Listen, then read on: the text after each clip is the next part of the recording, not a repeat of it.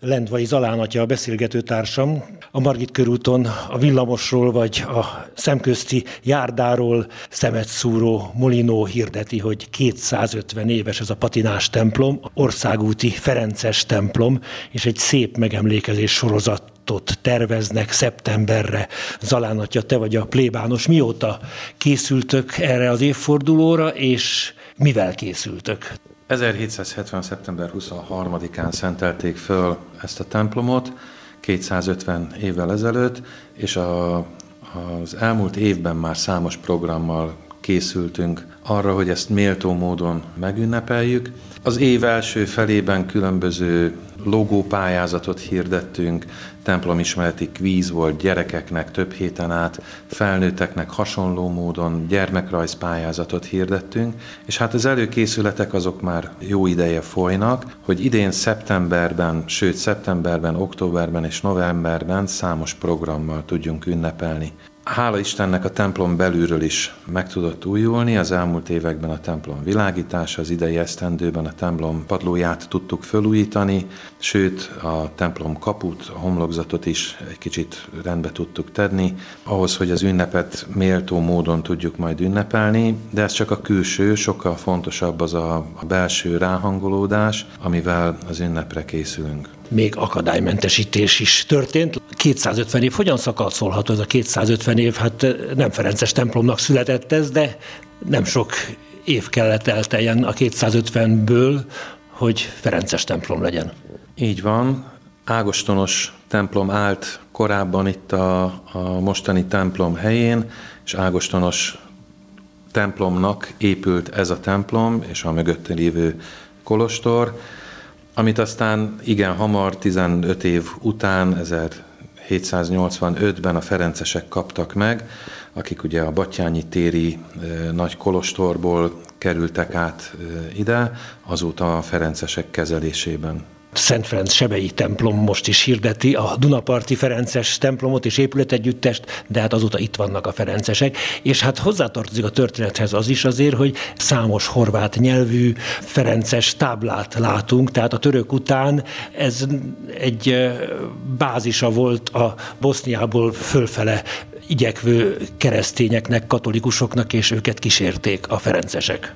Így van. A Margit körút eredetileg az országút, a Bécsbe vezető országút, így Ferencesként az ősök nagyon jó helyen telepettek le. Mindenféle népség megfordult itt, Budai vár és a, a Bécsbe vezető út mentén.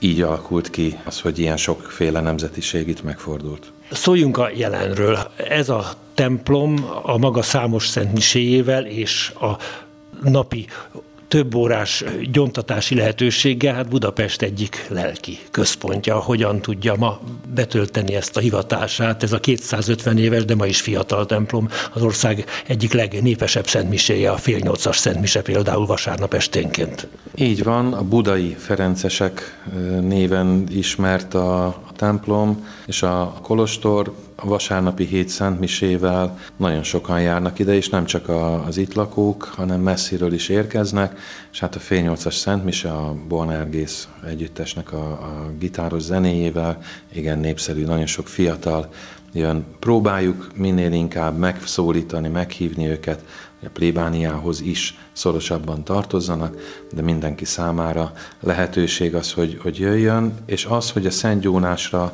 lehetőség van hétköznapokon is, reggel is, este is, vasárnapi napokon minden szent miséhez kapcsolódóan igen bőségesen. Ez is nagy vonzerőt jelent. Nagyon sokak számára az ünnepek előtt mindenképpen hosszú-hosszú sorok vannak, akik nagyon messziről is eljönnek ide gyónni. Egy ilyen kerekéforduló méltó arra, hogy ünnepi esemény sorozattal párosodjék, ami sok fáradtságot okoz természetesen a plébánosnak, meg a szervezőknek. Van-e lelkipásztori haszna egy ilyen kerekéfordulónak? Hát mindenképpen, és remélem, hogy majd a, az ünnepség sorozat is, és annak a különböző alkalmai, azok a közösséget, közönséghez tartozást, az ide tartozást erősítik majd a híveinkben.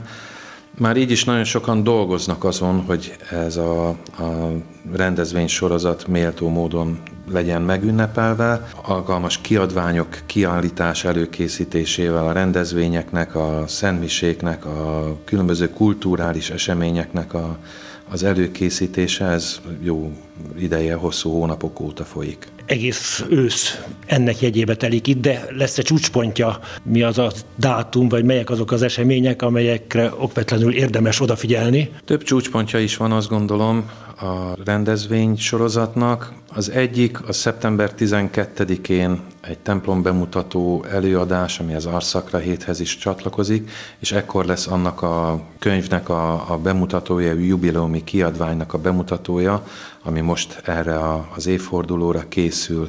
Nagyon sokszínű és sokrétű összeállítás lesz. A másik csúcspont szeptember 23-a szerda esti ünnepi szentmise, és utána Mozart koronázási miséje, de talán a legkiemelkedőbb csúcspont az 27-én vasárnap délelőtt a 10 órás szentmise, amelyet Székely János szombathelyi püspökatya fog bemutatni, aki ugye ebbe a templomban nevelkedett, gyerekkorában itt szolgált minisztránsként, sőt sekrestés szolgálatként is erősen kötődik ide a templomunkhoz. Amit még szívesen kiemelnék, az a november 6-ai kerekasztal beszélgetés, ahol több olyan jeles személyiség fog mesélni, vallani az ő ide tartozásáról, itteni történeteiről, akik a, a templom történetében igazán kiemelkedőek.